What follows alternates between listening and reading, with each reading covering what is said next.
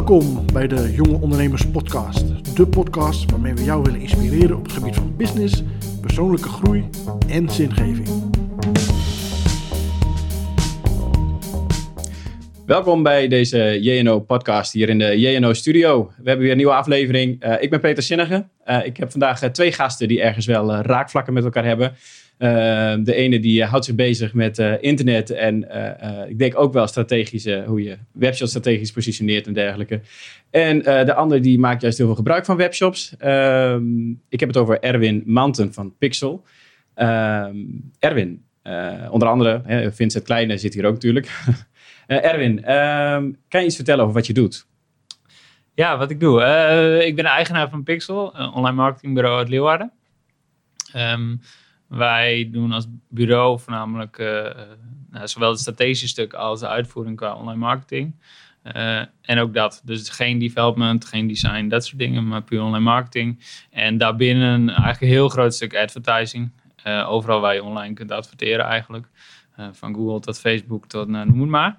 Ehm, en daarnaast een stuk eh, analytics, dus bedrijven die ja, met vraagstukken zitten met data. Dat hoeft niet eens alleen uit de website te zijn, kan ook uit andere bronnen zijn.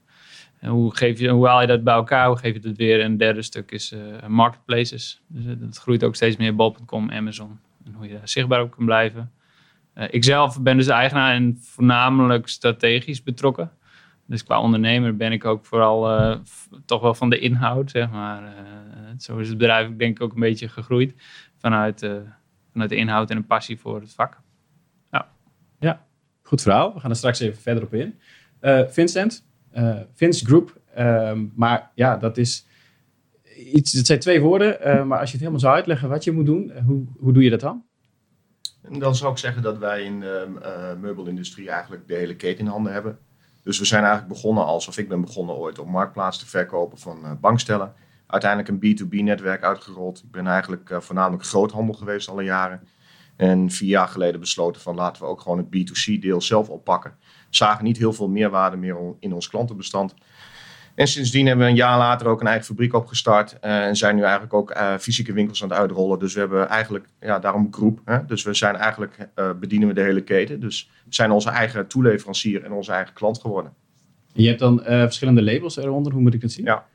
Ja, we hebben voor verschillende labels gekozen. Dus we hebben twee typen groothandels. De ene groothandel is heel erg gericht op lage prijs. En de andere groothandel is heel erg gericht op een stukje meer kwaliteit. Dus bijvoorbeeld liquid proof. Dus je kunt bijvoorbeeld een fles wijn over een stoel heen gooien. Dat is ook heel erg horeca proof. Dus daar zitten we ook meer wel richting de B2B klant. Hotels, restaurants, cafés. Um, ja, en dat verkopen we zelf ook online. Dus we hebben een aantal labels. Ons grootste label is Dimehouse. daar hebben we ook drie winkels bij in Nederland. Um, en we hebben vanuit de andere groothandel hebben we Live in 24. En dat is eigenlijk iets meer ja, kwaliteitsgericht. Dus we proberen middels verschillende eigen labels. en in Engeland hebben we ook weer een ander label, omdat we daar weer een andere uh, wetten moeten voldoen. Uh, proberen we op die manier ja, de markt langzaam te veroveren. Ja, ja, nou, jullie zijn goed bezig volgens mij. Um, wat is jouw rol in de organisatie? Hè? We zijn JNO en, ja, dat gaat natuurlijk ook over het persoonlijk stuk. Ja. Daar ben ik wel benieuwd naar. Hè? Wat, wat, ja. Ja, hoe, ziet jou, hoe zien jouw dagen eruit? Wat is jouw rol? Nou, de afgelopen jaren ben ik uh, zelf heel actief geweest uh, binnen de onderneming. Heel veel ballen hoog gehouden. we zijn behoorlijk hard gegroeid de laatste jaren. Uh, al, dik jaar geleden hadden we 50 man personeel. We gaan nou naar, dan tel ik China niet mee, dat is niet helemaal waar, maar we zitten nu ongeveer op 250. Um, dus we zijn nu heel erg aan het professionaliseren. Dus ik ben zelf met een aantal adviseurs nu bezig om een managementteam in te richten en mezelf iets meer uit de operatie te trekken. Nou doe ik al vrij weinig meer in de operatie. Um, maar ik probeer meer een spaarpartner te zijn voor, voor de managers. En ik probeer vooral ook de strategische route te bepalen. Uh, ja, bijvoorbeeld, we hebben nu net in januari een bedrijf overgenomen. Nou ja, goed, hè, wat, hoe, wat voor rol krijgt hij binnen de groep? We zijn nu weer bezig uh, met een tweede interieurbouwbedrijf over te nemen. Dus dat wordt nu binnen vier weken afgerond. Um, daar probeer ik me volledig nu op te focussen, dat soort stappen. En ja, het runnen van de organisatie moet ik proberen zo goed mogelijk los te laten. Ja, zeker als je uh, zoveel medewerkers hebt. En ja. dat zou wel lastig zijn. Ja. Want ooit ben je begonnen vanuit een passie, vanuit een idee of misschien gewoon vanuit een kans die je zag? Hoe, hoe was dat? Want ja, ja. Ik, ben, uh, ik heb marketing gestudeerd. Toen ben ik bij een marketingbureau gekomen. Daar wilde ik aandelen hebben. Eigenaar had stiekem de aandelen al verkocht. Toen was ik zo boos Toen ben ik voor mezelf begonnen. Uh, ben ik uh, gadgets gaan importeren vanuit China. Hoe oud was je, Vincent? Uh, toen was ik 21, ja. Dus ik was volgens mij in het laatste jaar studie bezig. Ehm, ja, laatste jaar studie. toen ben ik eigenlijk begonnen met ondernemen. Toen heb ik nou ja, gadgets geïmporteerd heel Nederland doorgereden. Eigenlijk uh, in mijn beleving aan de, aan de beste brands in Nederland verkocht. En ik kwam elke keer met een order van 500, 600 euro weer thuis. Ik denk, ja, daar kan ik niet voor rijden. Toen hebben we een keer meubels gedaan voor een uh, kennis en goede marges. besloten om dat te gaan doen. Nou, een containertje met, met hoekbanken op marktplaats gezet. Wat geld geleend van mijn vader en dat, dat sloeg aan.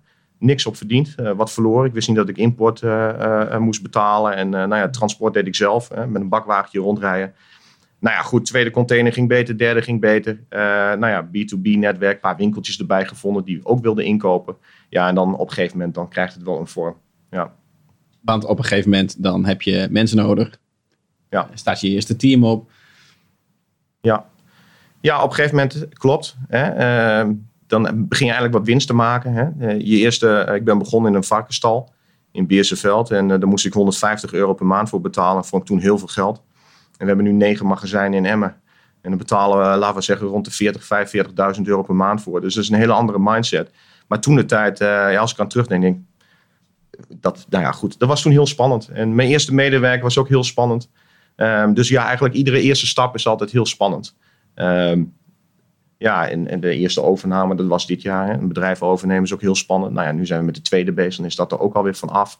Dus het, uh, ja, het rolt nu lekker de laatste, laatste jaar, ja. Nou, dat is mooi. Uh, en uh, jij kan ook steeds meer van de afstand naar kijken, denk ik. Of zit je nog, je bent niet meer in operatie. Hè? Je zei net, je stuurt managers aan. Ik, ik kan zeker een aantal maanden weggaan en dan draait het door. Of er dan ook strategische keuzes worden genomen die ook succesvol zijn, is een tweede vraag. Maar goed, daar werken we nu aan. ja precies. Hey, en gedurende die tijd heb je dus, uh, nou, ik denk inmiddels 20 jasjes versleten die je aan moest doen. Omdat je elke keer weer moest aanpassen op de situatie, op het aantal medewerkers. Je komt steeds weer voor nieuwe uitdagingen staan. Hey, en, en hoe heb je jezelf daar nou zo uh, in opgeleid? Hoe, hoe, hoe heb je jezelf erin ontwikkeld eigenlijk? Nou, ik denk dat jij dat ook goed weet. We zijn nu heel erg uh, online gefocust. Hè. De, we hebben inderdaad, we zijn middels omnichannel principe nu aan het groeien. Hè. Dus we willen wel die fysieke showrooms hebben, maar vooral de focus op online.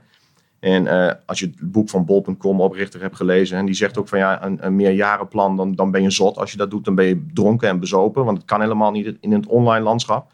Uh, dus ja, het is elke dag acteren op, uh, op wat, wat, je, ja, wat je te wachten staat. Ik heb ervoor gekozen om een aantal ervaren ondernemers om mij heen, allemaal 50, 60 plus, om die dichtbij me te houden en vooral met hun te sparren. Dus als ik keuzes wil maken, joh, eh, Tom, uh, Wilbert, uh, hè, wat vinden jullie ervan? Moet ik dat wel doen? Moet ik dat niet doen? Kijk, ik hoef ze niet te vragen hoe Google werkt en wat, hè, hoe mijn CA-specialist aan de knoppen moet draaien. Dan hebben ze de ballen verstand van. Maar ze voelen wel aan, hè, die keuze moet je wel maken, niet maken. Ga er nou niet zo met een gestrekt been in. doe nou eens nog een keer een gesprek, nou ja, et cetera. Dus op die manier probeer ik mezelf te ontwikkelen, vooral door veel te, te sparren. Wat voor dingen was je dan, uh, waar was je het meeste naar op zoek? In, je noemt al een paar dingetjes, maar is het dan meer echt het, het managen operationeel of, of het, hoe je het best kan groeien? Of waar, waar liep je het meeste tegenaan?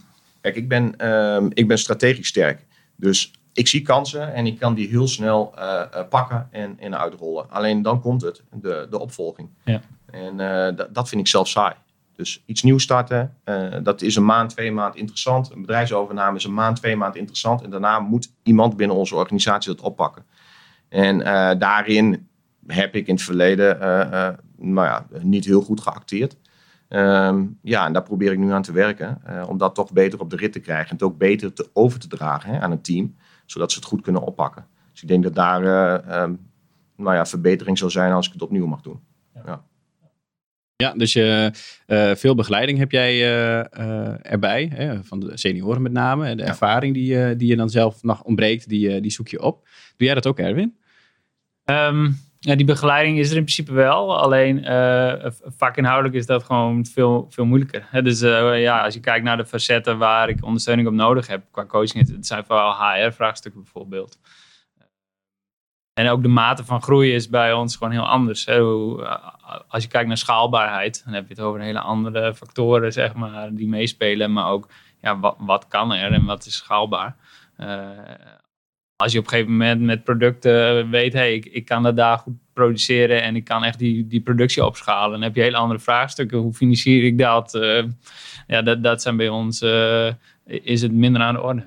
En dus, dus vraagstukken die je hebt gaan vooral wel over het, eh, het operationele en HR is een belangrijk onderdeel. Want eigenlijk is de kennis en het team dat we hebben zitten en de cultuur, dat, dat is ons goud, zeg maar, in die zin. Ja. Hoe pas je daarop? Die, die, dat zeg je nu, de kennis en cultuur is ons goud.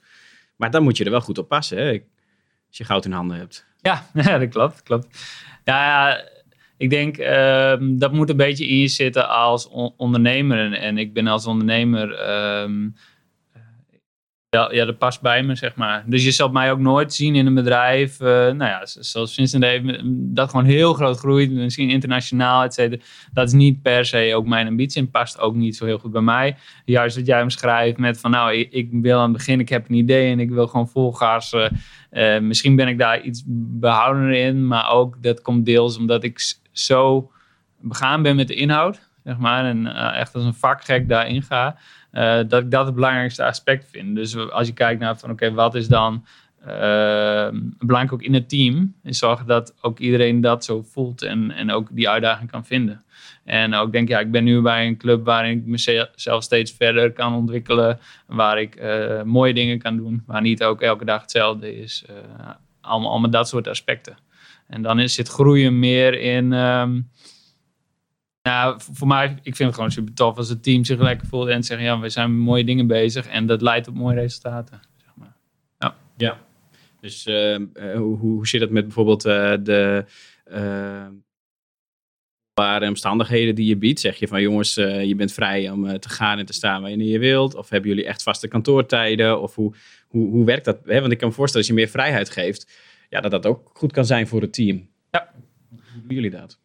Ja, ik denk dat we er een beetje tussenin zitten. Ik ben als ondernemer ook iemand die juist heel veel vrijheid geeft. Ook als mensen nieuw in het team komen, uh, dan zeg ik ook altijd, ga je wel even in het diepe gooien, zeg maar. Uh, en dat moet je kunnen. En ik denk wel dat de mensen in het team daar ook mee om moeten kunnen gaan. Um, dus wat, wat vind ik heel belangrijk, dat ik faciliteer.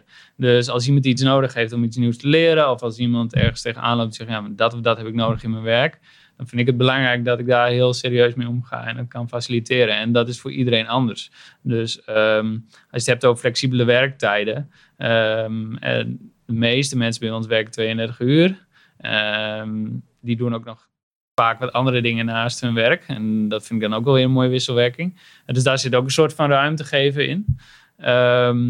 Maar daardoor kan het zijn bijvoorbeeld die iemand zeggen, ja, normaal heb ik op maandag vrij, kan ik dat een keer wisselen naar een vrijdag, ik noem maar wat. Het zijn zulke simpele dingen, zeg maar. En dan kun je zeggen, nee, want in je contract staat dit. Of gewoon heel pragmatisch ernaar kijken. En dat is net als met begintijden. We hebben gezegd, nou, je begint tussen acht en half tien. Als je daar ergens uh, begint, zeg maar, en, en dan je uren maakt, uh, dan is het prima. Um, ja, en zeker in coronatijd heb je nog extra flexibiliteit nodig gehad natuurlijk. En, en dat kan ook. En ik denk dat je in zo'n team uh, een soort vertrouwen hebt, wederzijds, op een gegeven moment. Dat je dat soort dingen ook los kunt laten. En dat iedereen weet, oké, maar daarvoor zit ik hier, zeg maar. En daarvoor, en dit, is belangrijk voor het bedrijf. Dus ik ben niet een ondernemer die zegt van, uh, oh, oh, we waren afgelopen maand een paar procent niet declarabel genoeg, ik noem maar wat. Ik ga eens eventjes hier met zweep eroverheen, zeg maar. En als je puur kijkt, commercieel kan dat best interessant zijn. Um, maar het moet bijpassen als ondernemer. En als team ook. En als cultuur. En, ja. Uh, ja.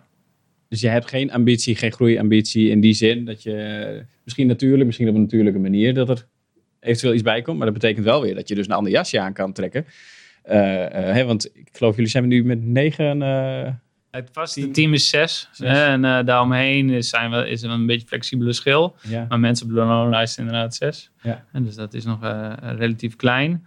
Um, maar nu zitten we ook in een fase dat ik inderdaad een ander jasje eigenlijk aan moet gaan trekken. Oh wel. Ja. ja. En hoe bevalt je dat? Ja, ja daar zitten we middenin.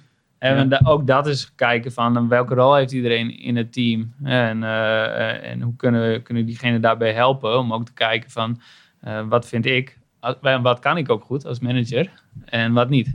En wat kan ik kom heel erg uit de inhoud. Dus eh, nog steeds ben ik daar heel erg betrokken mee. Dus uh, kijk naar echt management manager, zeg maar. Hè? Dus, dus echt in die helikopter, dan ben ik een slechte manager, zeg maar. dus daar moet ik ook niet te veel naartoe bewegen. En als je kijkt naar groei, groei is in mijn ogen vooral belangrijk om die kwaliteit te borgen. Dus er komen nieuwe onderwerpen bij, zoals nu marketplaces of andere dingen.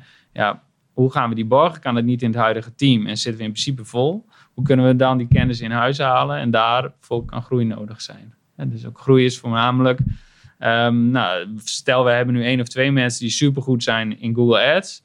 Ja, dan is groei op een gegeven moment nodig om een derde ernaast te zetten die om elkaar scherp te houden, om echt op dat topniveau zeg maar, dat kunnen, kunnen blijven doen. En ook de steeds complexere vraagstelling ja, op te kunnen pakken en te beantwoorden. Want dat is wat we in de markt zien.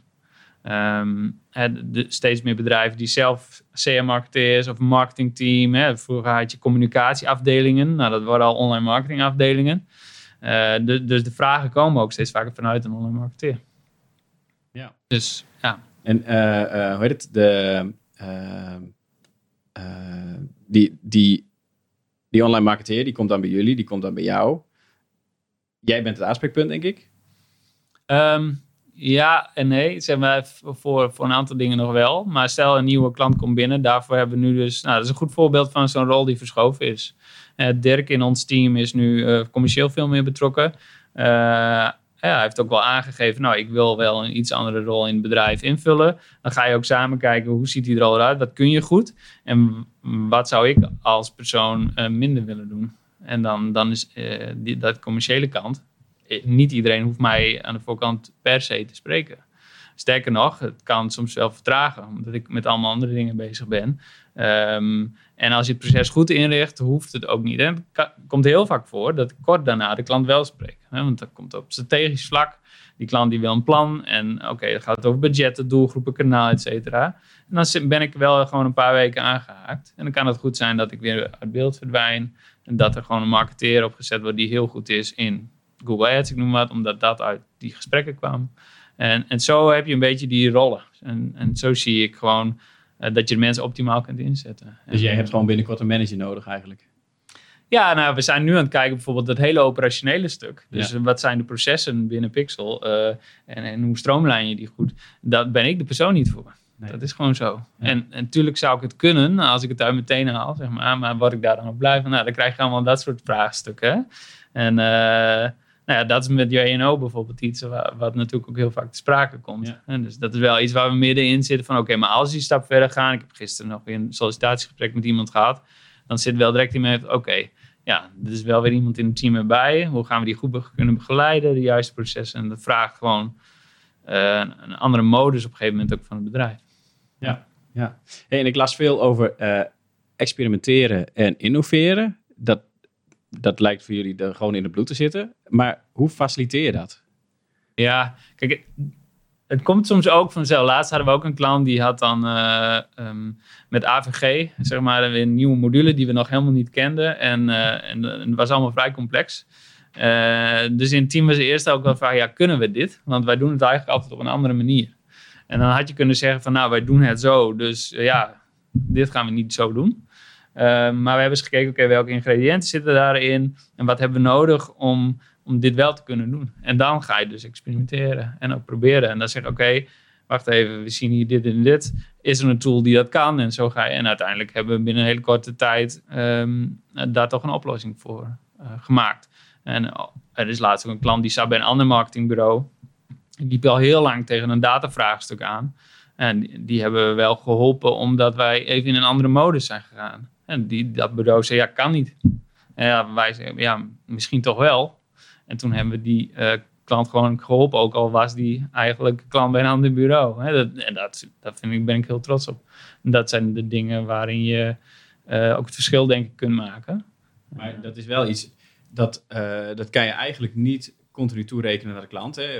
Dat, dat, zijn ook een soort vrije uren, loze uren, iets. Ja. Hè. Dat is niet facturabel, vaak.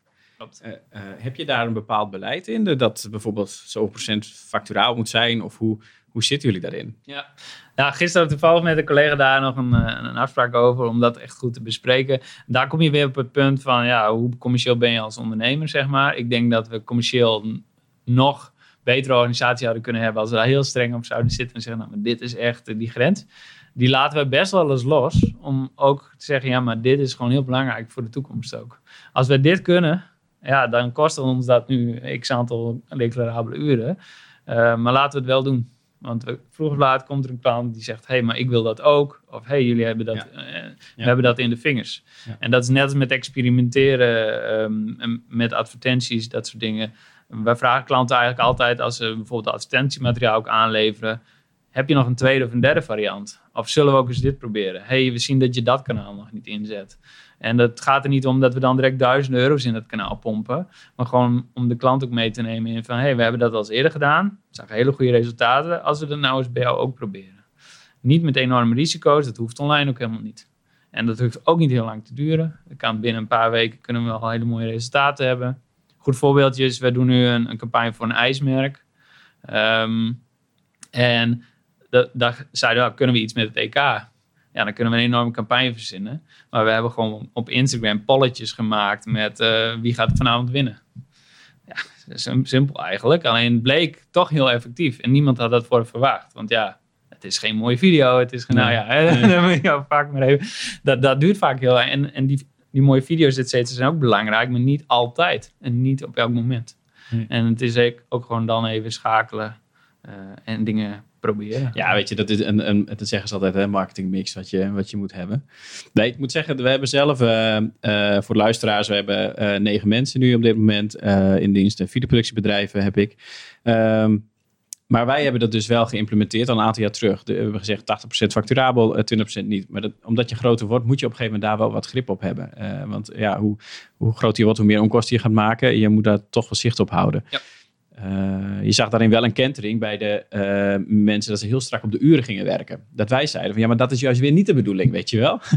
Dus uh, we, voerden zeg maar, als er dan zes, uur gefactureerd wordt, zeiden we altijd van nou weet je, dan, dan mag er nog één uur of twee uur nog extra ingestoken worden. En dat is dan je innovatie en creativiteit uren die je, die je daarin mag zetten om product op een hoger level te krijgen. Ja, maar je ziet toch dat de men heel veel dan op die uren gaan. En die cultuur die jij zo bewaakt, het goud voor jou. Um, ja, daar hoort ook wel dat stukje vrijheid bij. Dat als je een keer zegt van joh, ik wil tien uur extra erin gooien, want ik heb nou zo'n geweldig idee, dan moet het gewoon kunnen. En dat is wel iets. Ja, ik zie, ik zie bij ons dus dat wij daar weer iets naar, van naar terug gaan. En, en uh, dat we toch weer meer de vrijheid opzoeken van joh, dat mag best een keer. En we blijven wel maandelijks natuurlijk monitoren. Dus, dus dat wel. Dus we, we, we zien wel wat erin komt, wat eruit gaat. Maar uh, het is niet meer zo dat het heel erg uh, ja, uh, op facturabele uren gedreven is. Dat, dat, ja, dat, dat, dus ja, ja, het is vooral trial and error, denk ik. Ja, klopt. En, en, wij merken dat ook. Dus het is monitoren, maar niet per se heel hard daarop sturen.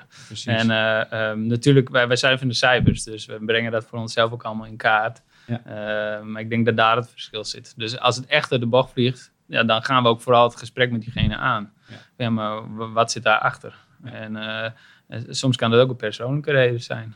Of een klant uh, die, die heel erg aan iemand trekt. En ja, uh, soms zeg je, ja, maar je doet het vanmiddag maar. Het zijn soms ook dat soort dingen. En dat is helemaal geen onwil of zo van die persoon.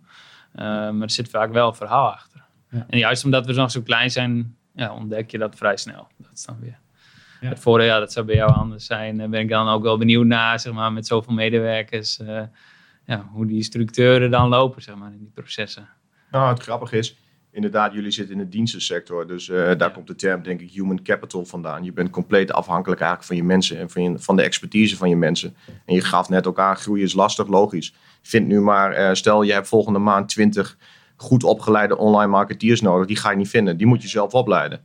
Uh, dus je loopt constant tegen het probleem aan dat je met mensen werkt en, en mensen ook de waarde van je onderneming bepalen.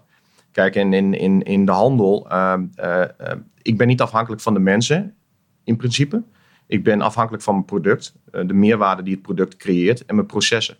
En ehm, kijk, wij hebben ervoor gekozen om die zo te automatiseren dat we eigenlijk proberen compleet onafhankelijk te kunnen worden van alle medewerkers, inclusief mijzelf. Dus dat je niet afhankelijk bent van mensen, maar dat je proces gewoon zichzelf uh, kan, kan door laten groeien, ongeacht wie er aan de knopjes draaien. En dat is natuurlijk niet helemaal realistisch, maar het is een stuk, stuk makkelijker hè, dan. Ehm, want ja, wij leiden natuurlijk intern zelf ook wel op. wij lopen ook tegen dat probleem aan. Alleen het probleem is een stuk minder groot dan, dan als jij bijvoorbeeld wil groeien. Ja. Ja, dat snap ik heel goed. Vincent, nou we toch bij jou zijn. Hè? Eh, jij beheert zo'n beetje de hele keten. Ja. Dat is ook een doel geweest voor jou, hè? Ja. En waarom wil je dat zo graag? Onafhankelijkheid. Ik heb er echt een gruwelijke hekel aan als ik moet wachten op een ander. Dus eh, als wij alles zelf kunnen, en, en, eh, ja, dan kunnen we gewoon gas geven. Dus we zijn nu ook bezig om een, eh, om een eigen distributienetwerk op te zetten. We zijn nu heel afhankelijk van PostNL. Er is krapte op de markt in de transportsector. In Nederland blijven wij gewoon maar bepaalde mensen opleiden waar we helemaal niet op zitten te wachten. Terwijl we zitten te wachten op mensen in de transportsector en in andere sectoren. Dus dat willen wij zelf gaan doen. Ehm, dus we willen onafhankelijk zijn, compleet. Dus onafhankelijk van een toeleverancier, onafhankelijk van eh, klanten. We kunnen natuurlijk nooit zelf de consument worden, maar als dat zou kunnen, zouden we daarop inzetten. Dus ehm, ja, dat is de uitdaging. Hè? En dus ook je eigen systeem zeg maar, zo inrichten dat je eigenlijk niet meer afhankelijk bent van een poppetje. Eh, ben je dat wel, ja, dan. eh, ehm, want ik denk dat jij je ook wel eens zorgen maakt om van ja, komt er misschien een ander bureau en die trekt daar mijn goede mensen. En, en want we hebben intern ook die discussie gehad hè, van wat mag iemand verdienen. Ja, en dan zegt de, de, de eindverantwoordelijk van de HR, ja, een CA-specialist, ja, is marketing, afdeling marketing, nou, Google, afdeling marketing, nou, eh 3000, 3500, dat is de max. Ik zeg, zal je vertellen wat de max is van een CA-specialist. Ik zeg, die ligt bij ons op 150.000 euro per maand. En dan valt ze bijna van een stoel af. Ze zegt, waar heb je het over? Ik zeg, het is heel simpel. Stel je nou voor dat wij iemand in dienst hebben die zo aan de knoppen kan draaien. Dat wij de allerbeste conversie van de hele wereld hebben. Ik zeg, dan komen alle grote bedrijven en die willen die jongen hebben. Ja. En die gaan hem een mega salaris aanbieden. En sterker nog, als hij zo'n zo'n eh, ROAS heeft dat hij 150.000 euro mag vragen per maand, gaat hij het gewoon krijgen. Punt. Dus eh, die hele online wereld is natuurlijk nog behoorlijk nieuw, ehm, eh, behoorlijk hectisch. En het is heel moeilijk ja, om goede mensen te vinden, maar ook om ze zelf op te leiden. En, en dan ook binnenboord houden. Maar daarom, hè, dat stuk cultuur. Kijk, wat ik zie op mij heen ook wel bureaus die heel hard groeien. Maar die hebben daar gewoon heel veel moeite mee. Dus die hebben een heel hoog verloop. eh, omdat die mensen zich daar niet prettig voelen. En als er dan iemand komt die even begint te trekken, die hoeft niet veel moeite te doen. En dan gaat het niet, soms niet eens om salaris, dan gaat het om gewoon ook hele andere dingen. Ehm, eh, inderdaad, nou, wat voor vrijheden krijg je, krijg je, hoe werk je? En ik ben heel erg blij met het team tot nu toe. Dat is gewoon heel erg stabiel. Ehm, en, en ja, maar ja, goed, wederom, dat is een beetje hoe ik als ondernemer ook eh, erin zit, zeg maar. Ehm, ja, maar dat is wel eh, een hele uitda andere uitdaging dan, dan jij hebt, inderdaad, ja. Een van die uitdagingen is natuurlijk ook, eh, hoe begin je een fabriek in China? Ja. Ik bedoel, hoe? hoe? Nou, in principe kun je als, als, als blanke geen fabriek starten in China. Eh, China accepteert geen eh, investeringen van buitenaf. Dat is allemaal heel lastig. Ehm, maar ik heb een bepaalde constructie met een oud eh, klasgenoot van mij. Die is weer terug verhuisd naar China. En die heeft die fabriek opgezet. En eh, wij hebben een, een nevencontract waarin nou ja, ik 50% eh, van zijn, van zijn fabriek bezit. En wat onderpanden heb, mocht hij mij te grazen willen nemen. Maar goed, dat gaan we niet doen, want we trekken samen op. Dus hij is in principe, zeg maar, qua, qua eh, eh, ehm, eh, juridisch is hij de eigenaar. Ehm, ja, samen doen we een beetje de operatie. Dus ik doe vooral de, de, de nou ja, wat produceren we, hoe produceren we het. Ja, en hij probeert het dan gewoon in de, ja, in de praktijk ook goed uit te rollen. En ik kan me voorstellen dat er luisteraars zijn die, eh, jonge JNO'ers, die eh, ook ambitie hebben. En die denken, goh, weet je, ik wil eigenlijk dat ook wel gewoon onafhankelijk zijn. Eh, eh, hoe, heb je nog tips voor mensen die zeggen van, nou, goh, het lijkt me wel interessant om mijn product in China te laten produceren. Ja, ik denk dat het wel belangrijk is dat jij lokaal altijd mensen hebt eh, die je kunt vertrouwen. Ehm, ik ben ook met mijn tijd begonnen ooit, die, ehm, eh, die betaalde ik om kwaliteitscontroles te doen. En die kreeg van de fabriek eh, ook weer betaald om niet te controleren. Ehm, dus je moet lokaal mensen hebben die je vertrouwt. Wij zitten in Wit-Rusland, in Bulgarije, in Servië, Turkije. Als je geen lokale mensen hebt, dan word je gewoon een, eh, ja, een oor aangenaaid. Dus ik denk dat dat belangrijk is. Dat je eerst zorgt dat je je netwerk goed hebt staan, je structuur goed hebt staan en van daaruit kunt gaan bouwen. Maar je bent ook wel eens nat gegaan, denk ik dan. Ja, heel erg nat. ja. ja, ik heb ook wel eens een eh, container met bureaustoelen aanbetaald. Dan moest ik 12.000 dollar betalen. Dat was in mijn tweede jaar. Dat, toen was dat echt heel veel geld. Toen moest ik 12.000 dollar aanbetalen. En die fabriek die bestond twee weken later niet meer. Dus, eh, maar ik ben er zelf geweest. Hij bestond. maar ze waren weg. Ja. Dus we konden ze, we konden ze niet meer traceren. En, eh, dus dat soort dingen gebeuren. Ehm, Maar ook wel met leveringen die, die gewoon echt niet door de beugel kunnen. En eh, dat er kwaliteitscontroles worden gedaan, dat alles goed lijkt. En dat je dan uiteindelijk toch heel wat anders geladen krijgt. En ik moet wel zeggen dat het, eh, wordt steeds beter. Eh, China wordt, ja, is transparant, internationale ambities. Dus zeg maar, dat soort koekenbakkers kom je al veel minder tegen. Ehm, maar het is ook een jonge economie. Hè? Dus China groeit pas echt sinds 20 jaar knetterhard. Dus eigenlijk moet je het zo zien dat 80% van die economie bestaat eigenlijk alleen maar uit start-ups. Nou ja, stel dat dat in Nederland ook zo zal zijn en de hele economie draait op start-ups, dan kun je nagaan dat er eh, veel fouten worden gemaakt en ook veel eh start-ups ineens weer verdwijnen. Hè? Ja, ja joh. En, maar dat maakt het ook weer leuk. Hè? Dat maakt ook weer een eh, dynamische situatie. Wat, wat... Dus het is na afloop is het leuk om nog een keer te vertellen, al die Ja. verhalen. Maar ik wil echt niet terug. Nee. Nee. nee. En als jij eh, eh, over, eh, nou ja, pakweg eh 20 jaar, wat is jouw eigen ambitie uiteindelijk in, in dit kort? Waar, waar, waar, waar, zou jij willen staan over 20 jaar? Wat, wat, is, wat is eigenlijk je doel, wat je nou aan het bouwen bent? Ja, dat vind ik een goede vraag. Dat weet ik niet. Ehm, maar kijk, als je vraagt waar, wil, waar moet het bedrijf naartoe, weet ik dat wel. Wat mijn eigen rol daarin is, weet ik niet. Ik wil gewoon wel graag eh, uitdagingen houden. Ehm, ik wil in ieder geval het bedrijf zoals we het nu hebben uitbouwen. We zijn nu in vijf landen actief. Ik wil daar ook heel graag magazijnen hebben en echt operatie te plekken. Dus is Frankrijk, Engeland, Duitsland. Nou, Nederland doen we natuurlijk en België doen we ook al. Maar vooral naar die landen. We willen verder eh, eh, Europa in. En het liefste wil ik straks proberen om ook vanuit China richting Amerika te gaan. En daar eigenlijk hetzelfde nog een keer te doen. Dus groothandel neerzetten, eigen webshops, eigen winkels. Dat zou ik heel tof vinden als, eh, als dat gaat lukken. Ja, dus dat is eigenlijk, daar krijg jij energie van. En als je je leven op zo'n manier kan blijven inkleuren, dan, eh, Als ik maar genoeg uitdaging hou, dan blijf ik Ja. lekker doorgaan. ja, ja. mooi is ook een ambitie, hè? dat kan ook. Ja. En jij, Erwin, hoe, eh, hoe sta jij erin? Nou, die, die uitdaging heb ik ook echt nodig. Hè? Dus eh, ehm, ik denk dat dat ook een beetje in ondernemersbloed zit. Maar ehm, voor mij is het heel moeilijk om zeg maar zo ver vooruit te spoelen. Want dat is wat Vincent ook zei, dat verandert volgend jaar al. En als ik, ik ben een jaar of 12, 13 geleden begonnen zeg maar, in de online marketingwereld. Ja, dat was zo anders dan, dan het nu is. En eh, ehm, ik, ik weet gewoon niet hoe dat over tien jaar zou zijn, zeg maar. Je, hebt, je, hebt, je ziet nu al, bijvoorbeeld ook in Google, het de algoritmes worden ook steeds belangrijker. Dus wie weet is een online marketeer in, in die zin voor het optimaliseren achter de punt, eh, achter de komma niet eens meer nodig. Dan gaat het veel meer over de business consultancy. En, eh, en, en ik geloof nog steeds heel erg als je kennis, hè, als je echt een, een, een vakpersoon bent, dat je nog steeds heel veel kunt doen. Maar op wat voor manier vind ik heel erg eh, lastig om nu te voorspellen. Maar je, je zult mij altijd in een soort specialistische rol zien. Dus daar, daar ligt mijn ambitie ook. Gewoon echt he- heel goed in iets zijn. En, en daar mensen verder mee helpen. En, eh, en wie weet eh, wordt dat wel iets heel anders op, op termijn. Dat, dat vind ik ook helemaal niet erg, zeg maar. Ik wil gewoon eh, heel goed in iets worden waar ook echt mijn interesse ligt. En nu is dat eh, eh, online marketing. En dat laat ik ook voorlopig echt niet los.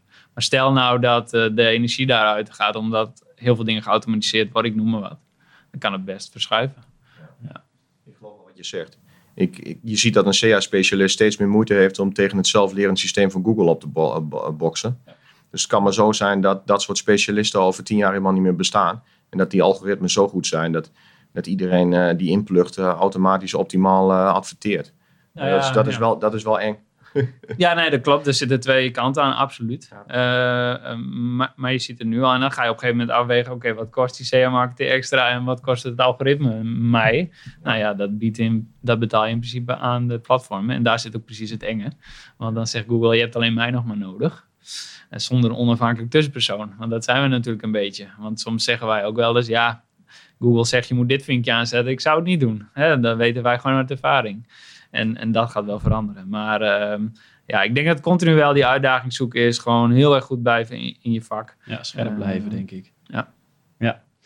Ehm, we zijn zo langzaamaan een beetje aan het einde gekomen van, eh, van deze podcast. Maar we hebben een rubriek en die gaat als volgt. Hot, hot, hot. Pak een kaartje uit de pot.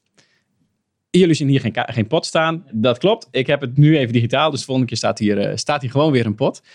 Eh, dat zijn willekeurige kaartjes. Ik heb voor jullie twee kaartjes, of een kaartje voor jou en een kaartje voor jou gepakt. Eh, daar staat een willekeurige vraag op. Ehm, de vraag die ik jou wil stellen is, Erwin, van wie zou jij de gedachten willen lezen?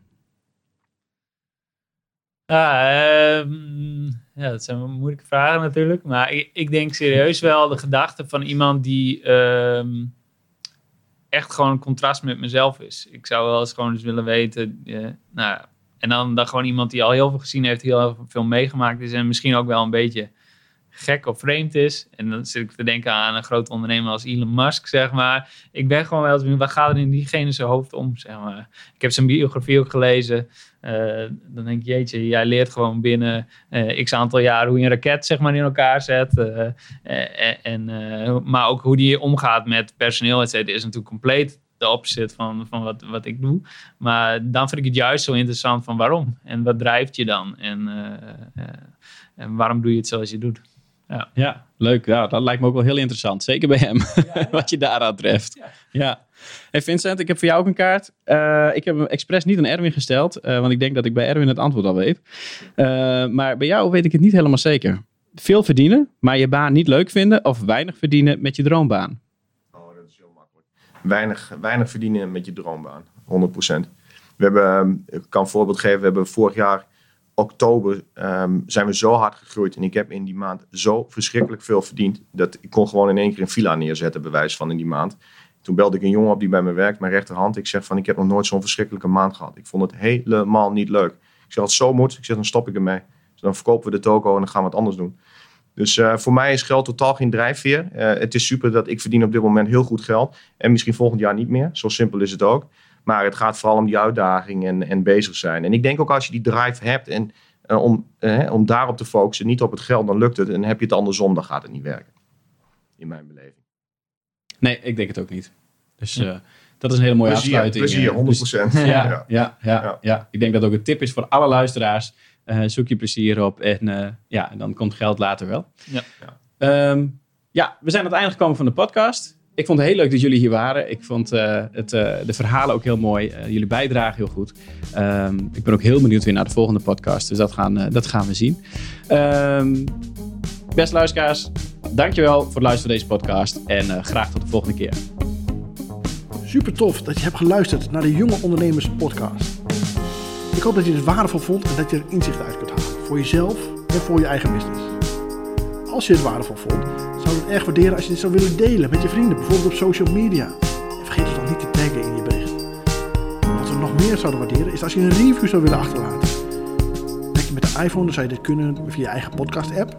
En ons daar een review te geven, geef een x aantal sterren en daarbij een korte motivatie. Dit zou ons echt enorm helpen. Vergeet je niet te abonneren. Dan zien we je graag bij de volgende Jonge Ondernemers Podcast.